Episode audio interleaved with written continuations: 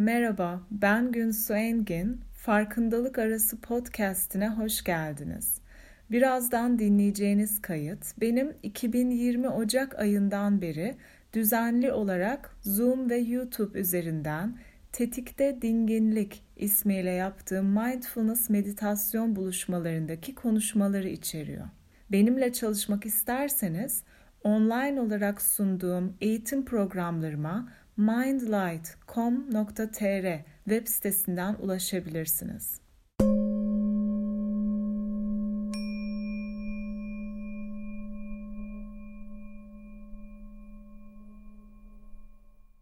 Tetikte Dinginlik buluşmalarına hoş geldiniz.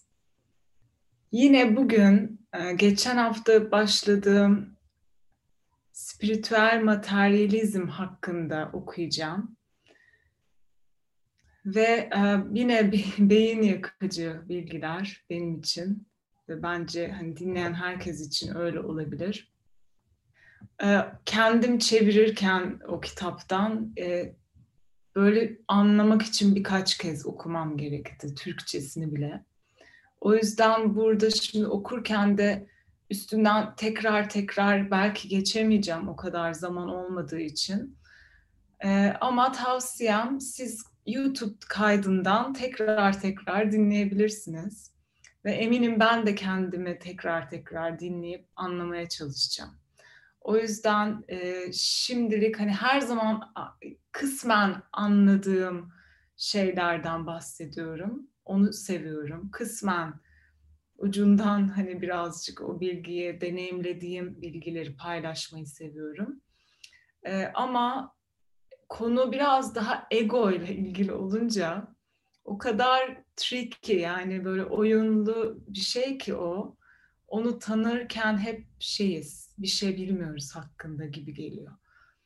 Kendi egomuz hakkında öğrenirken. Çünkü bir yandan hep bir inkar isteği oluyor, inkar etme hali olabiliyor. Ve acı gerçekler gibi geliyor böyle biraz. Hoşumuza gitmeyebiliyor duyduklarımız, okuduklarımız. Ve e, okurken ben ve siz dinlerken de sizin bedeninizdeki yansımalarını izleyin. Tavsiyem o olur. Hikayesine gitmektense, kafanızda analiz etmektense o, o cümleyi duyduğunuzda ne oluyor ilk? Çünkü sanırım ilk burada olan, bedende olan şey e, daha doğru bir mesaj. Hakkında sonra düşünüyoruz. Önce bedenimizdeki duyumun deneyimine varıyoruz. İşte midende, karnında, kalbinde falan. Sonra oradan bir düşünce gelip onu yorumluyorsun. Ve belki de hiçbir şey hissetmeyeceksin. Belki de hissizlik hissedeceksin. O yüzden bir deneyim aramadan açık bir farkındalıkla başlangıç zihniyle dinleyin derim. Ve şimdi e, Chogyam Trungpa isminde e, bir Budist rahip ve meditasyon hocası olan birisi bu. Onun kitabı Spiritüel Materyalizm. Bende başka bir kitabı var ve o şu ismi şöyle daha anlaşılır olur belki. Chogyam Trungpa. Ve on, onun bende bu The, The Sanity We, We Are Born With diye bir kitabı var. Bu da çok güzel bir kitap. Türkçe'ye maalesef yok. Keşke birisi çevirse o kitapları. Çok e, ilginç kaynaklar çünkü. Şimdi bu spiritüel materyalizm kitabından kendini kandırmakla ilgili bir bölüm. Başlıyorum. Çeviri benim o yüzden çok başarılı bir çeviri olmayabilir. Kendini kandırmak, bizler ruhsal patikamızda yürürken devam eden bir problem olur. Ego sürekli spiritüelliğe ulaşmaya çalışır. Bu kendi cenazemizi izlemek istemeye benziyor diyor. Yani egonun spiritüelliğe ulaşmaya çalışması, kendi cenazeni izlemek istemen gibi o kadar imkansız bir şey aslında. Çok güzel bir benzetme sanırım. Spiritüel arkadaşımıza diyor öğretmene, yani bütün öğretmen, guru, neyse artık o yolculukta sana rehber olan kişi, ona spiritüel arkadaş diyor. Yani birlikte yürüdüğün kişi. Çok seviyorum o yaklaşımını. Bir hier hiyerarşidense e, yan yana olmaktan bahsediyor. Spiritüel arkadaşımıza başlangıçta ondan harika bir şey almak niyetiyle yaklaşırız. Buna guruyu avlamak deniyor diyor. Bu bir geyik, geyiği kellesi için e, ona avcılık yapmaya benziyor diyor. Avcı avını izliyor, sonra onu öldürüyor ve sonra onun kellesini alıyor. Bizler de spiritüel öğretmenimize e, aynı böyle yaklaşıyoruz. Ancak bu kendini kandırmaktır. Bunun gerçek açıklık ve teslimiyetle hiçbir ilgisi yok. Şimdi öğretmene yaklaşım olarak öğretmene, ustaya teslim olmak gibi bir yaklaşım var ve aynı zamanda açık olmak. O yüzden öyle benzetmiş. Burada yabancı bir elementin dışarıdan bizim bedenimize nakledilmesi söz konusu. Örneğin öğretmenin kalbini kendi kalbimizle değiştirmeye çalışmak gibidir. Kendi kişiliğini temelden değiştirmek tümüyle gerçek dışıdır. Kimse sizin kişiliğinizi değiştiremez.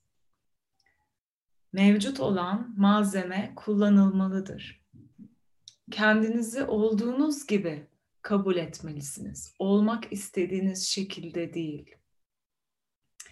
Bu da kendini kandırmayı bırakmak ve dileklerde bulunmaktan artık vazgeçmek demek. Tüm makyajınız, kişiliğiniz, karakteristiğiniz tanınmalı, kabul edilmeli ve ancak o zaman bundan ilham bulabilirsiniz. Ve bizler ilk başta çok heyecanlıyızdır diyor. Her şey çok güzel. Ve birkaç gün boyunca çok yüksek yani ona high diyor ve heyecanlı hissettiğimizi fark ederiz. Görünüşe göre budalık seviyesine ulaşmış gibi hissederiz. Budalık diyor ona, Buddhahood diyor. Hiçbir sıradan endişe bizi rahatsız etmez. Hani bu ilk başta heyecanlıyız ve her şey çok güzel dediği sanırım şey o. İlk böyle um, spiritüel deneyimini yaşadığında mı denir? O high hissettiğin zamanlar. Hiçbir sıradan endişe bizi rahatsız etmez. Her şey çok sorunsuz gider. Her an meditasyon halindeymişiz gibidir. Bu oldukça yaygın bir durum. Bu noktada birçok insan manevi arkadaşlarıyla yani öğretmenlerle daha fazla çalışmaya ihtiyaç duymadıklarını hissedebilirler. Ve muhtemelen giderler, uzaklaşırlar o öğretmenden. Doğu'da bununla ilgili birçok hikaye duydum diyor Chogyam Trungpa. Bazı öğrenciler öğretmenleriyle tanışırlar ve anında aydınlanma deneyimi yaşarlar ve sonra da ayrılırlar. Bu deneyimi koruyum, korumaya çalışırlar ama zaman geçtikçe bu sadece bir anı, bir kelimeler ve kendilerine tekrar ettikleri bir fikir haline gelmeye başlar. Böyle bir deneyimden sonra muhtemelen ilk tepkimiz bunu günlüğünüze yazmak olur. Ve olan her şeyi kelimelerle açıklamak olurdu. Yazılarınız ve hatıralarınızla onu insanlarla tanıştırarak ve bu deneyime sahip olduğunuza tanık olan diğer insanlarla konuşarak kendinizi deneyime çapalamaya çalışırsınız. Ya da bir kişi mesela diyor doğuya gider ve bu tür bir deneyime sahip olur. Doğuda ya o deneyimler hep. Ve sonra batıya geri gelir. Ve arkadaşları onu çok değişmiş bulurlar. Daha sakin, daha sessiz, daha akıllı görünebilir bu kişi. Ve birçok insan ondan kişisel sorunları hakkında yardım tavsiye isteyebilir. ruhsal deneyimleri hakkında görüş isteyebilir. Başlangıçta diğer insanlara yardım etme şekli, insanların sorunlarını doğudaki kendi deneyimleriyle ilişkilendirerek başına gelen güzel ve gerçek hikayeleri anlatarak olurdu diyor. Onun için bu çok ilham dolu bir deneyim olurdu. Ancak bu tür bir durumun bir aşamasında bir şeyler yanlış gitme eğilimindedir. Kişinin yaşadığı bu ani içgörü anısı yoğunluğunu kaybetmeye başlar.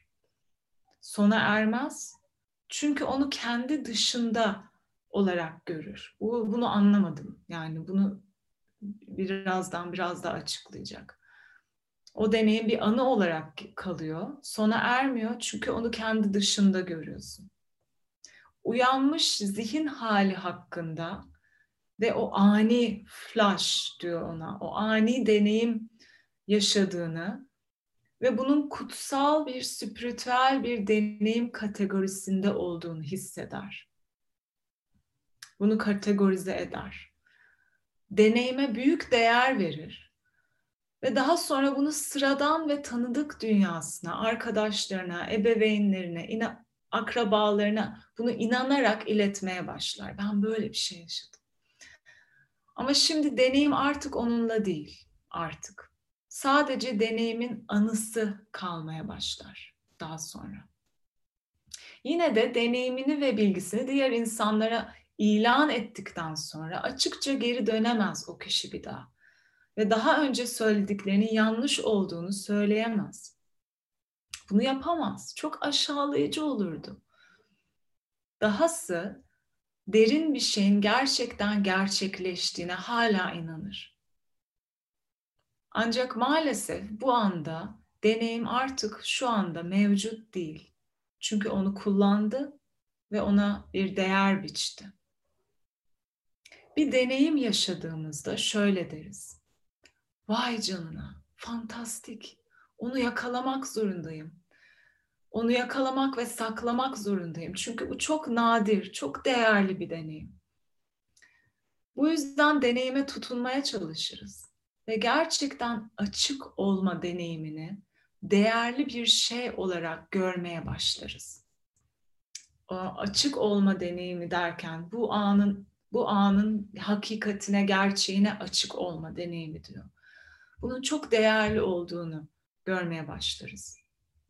Deneyimi yakalamaya çalıştığımız anda bütün bir zincirleme reaksiyonlar dizisi bunu izler. Bir şeyi değerli ve olağanüstü görürsek eğer, o zaman bu bizden epey e, epey bir ayrı olur diyor bir şeyi değerli ve olağanüstü görürsek ayrım olmaya başlıyor. Bizim dışımızda bir şey. Örneğin gözlerimizi, vücudumuzu, ellerimizi ve başımızı değerli saymıyoruz mesela. Çünkü bunların bir parçamız olduğunu biliyoruz. Şimdi bedenle çalışan veya beden tarama yapan ya bunun yeni yeni değerli olduğunu fark edenler için belki geçerli değil bu. Ama genelde eski hatırlayın. Hani onları çok değer vermiyorduk. Beden farkındalığı yokken. Çünkü bunların bir parçamız olduğunu biliyoruz. Ve tabii ki eğer onları kaybedersek ve bunların herhangi birine o zaman otomatik tepkimiz şöyle olurdu. Çok değerli bir şey kaybettim başımı, kolumu kaybettim ve yenisini almam imkansız. Ancak bu olursa bunun, bu bedenin, bu uzuvların değerli olduğunu fark ederiz diyor. Bir şey bizden alındığında bunun değerli olduğunu anlama fırsatına sahibizdir. Ama her zaman yanımızda olduğunda, tüm makyajımızın bir parçası olduğunda özellikle buna değer vermeyiz. Sadece oradadır. Burası ilginç. Diyor ki değer verme ayrı olma korkusundan gelir. Bizi ayrı tutar. Herhangi bir zamanda gelen ani ilhamın olağanüstü derecede önemli olduğunu düşünürüz. Çünkü onu kaybetmekten korkarız. Değer verme, ayrılık, ayrı olma korkusundan gelir ve kendisi değer vermenin bizi değer verilenden ayrı tutar. Çünkü onu kaybetme korkusu olur. İşte tam o noktada, o anda kendini aldatmanın, kendini kandırmanın devreye girdiği zamandır. Başka bir deyişle açıklık deneyimine, yani şimdinin gerçeğine açık olmak diyor ona ve bizimle olan ilişkisine olan inancımızı kaybetmeye başlarız. Dolayısıyla kendini kandırmak, bu durumda şu andaki deneyime sahip olmak yerine geçmiş bir deneyimi tekrar tekrar yaratmaya çalışmak demektir.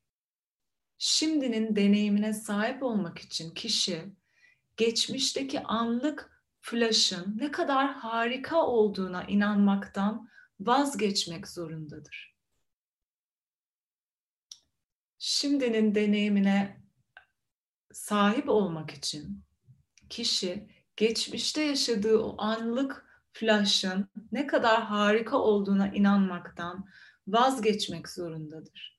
Çünkü onu şimdiki andan uzak tutan o anıya verdiği değerdir. İşte onu biliyoruz ya hep meditasyonda bir deneyim aradığın sürece veya geçmiş meditasyonlarındaki muazzam deneyimler olduysa onları yaşadın ve onları aradığın sürece şimdiki anın deneyiminden e, uzaklaşıyorsun. Kaçırıyorsun şimdiki anı. Eğer bizler sürekli o uyanmışlık deneyimine sahip olsaydık, bu sürekli halde olsaydı oldukça sıradan görünürdü. Ve kabul edemeyeceğimiz de şey işte bu sıradanlıktır diyor. Aslında demek istiyor ki o uyanmış deneyim burada sende sadece o hep orada olduğu için o çok sıradan geliyor. Sanki o değil. Hani başka bir şey. O değil. Çünkü o hep orada zaten.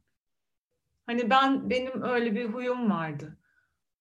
Yok yok bu değildir falan. Böyle bir şey fark ediyorsun. Yok yok o kadar kolay değildir. Daha zor olmalı. hani o değil ya falan. Bu kadar kolay olamaz her şey. Ama hepsi, bütün ustalar, şu okumuyorum, gerçekten de bu kadar basit olduğunu ancak bizim bu basitlikle pek tatmin olmadığımızı söylüyor. Hep böyle uzakta, ulvi, muazzam, mükemmel ve değerli bir şey arıyoruz bizim ötemizde. Ve diyor ki kabul edemediğimiz şey bu sıradanlık. Keşke yine o muhteşem uyanış deneyimini yaşayabilseydim. Şimdi okuyorum tekrar. Bunu kim kaç kez dedi? Keşke yine o muhteşem uyanış deneyimini yaşayabilseydim. Henüz yaşamadıysanız şanslısınız. Çünkü yaşarsanız hep onu arayacaksınız. Hani öyle bir şey de var sanırım. Bu yüzden kendimize ona şimdi sahip olmadığımızı hatırlatmakla meşgulüz diyor. Şu an sahip değilim ona. Kendimize sürekli bunu hatırlatıyoruz. Bu da kendine bir aldatma oyunu diyor. Bütün mesele ayrılık korkusu.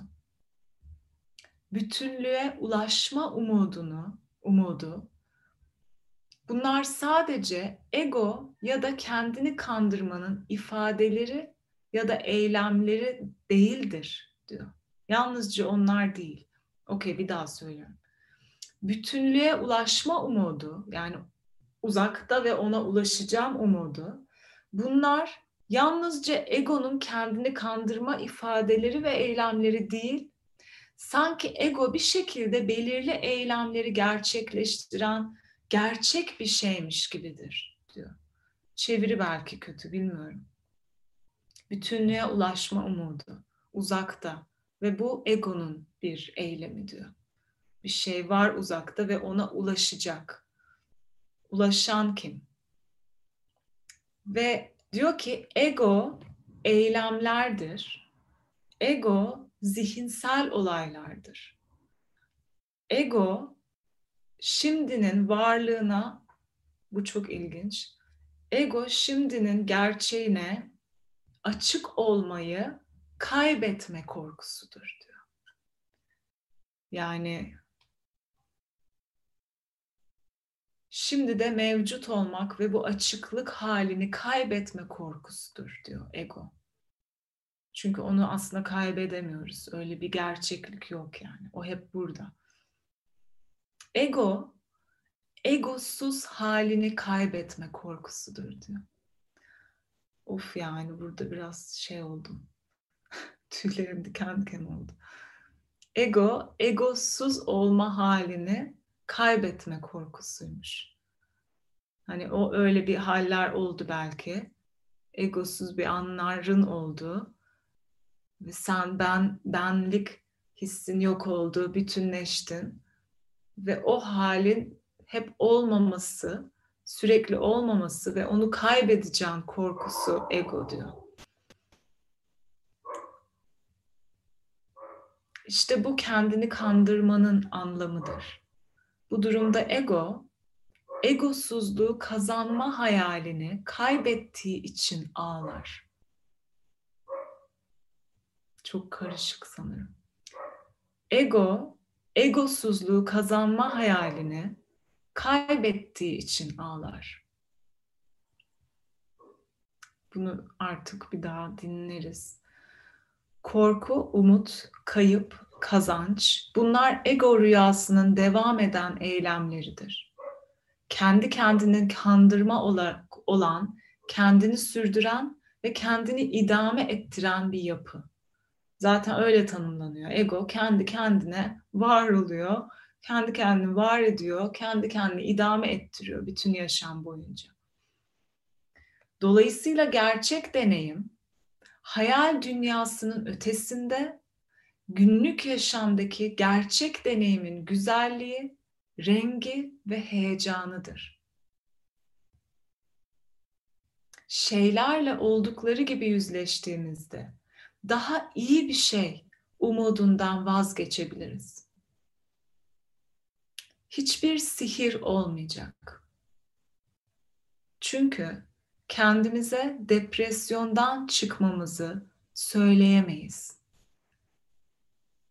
Depresyon ve cehalet, duygular, deneyimlediğimiz her şey gerçek ve muazzam bir gerçeklik içeriyorlar. Eğer hakikatin deneyimini gerçekten öğrenmek ve görmek istiyorsak bulunduğumuz yerde olmalıyız. Her şey sadece bir kum tanesi olma meselesidir. Bu kadar. Her bir cümle çok büyük cümleler sanırım. Ve tekrar tekrar dinlemek, okumak yardımcı olacak.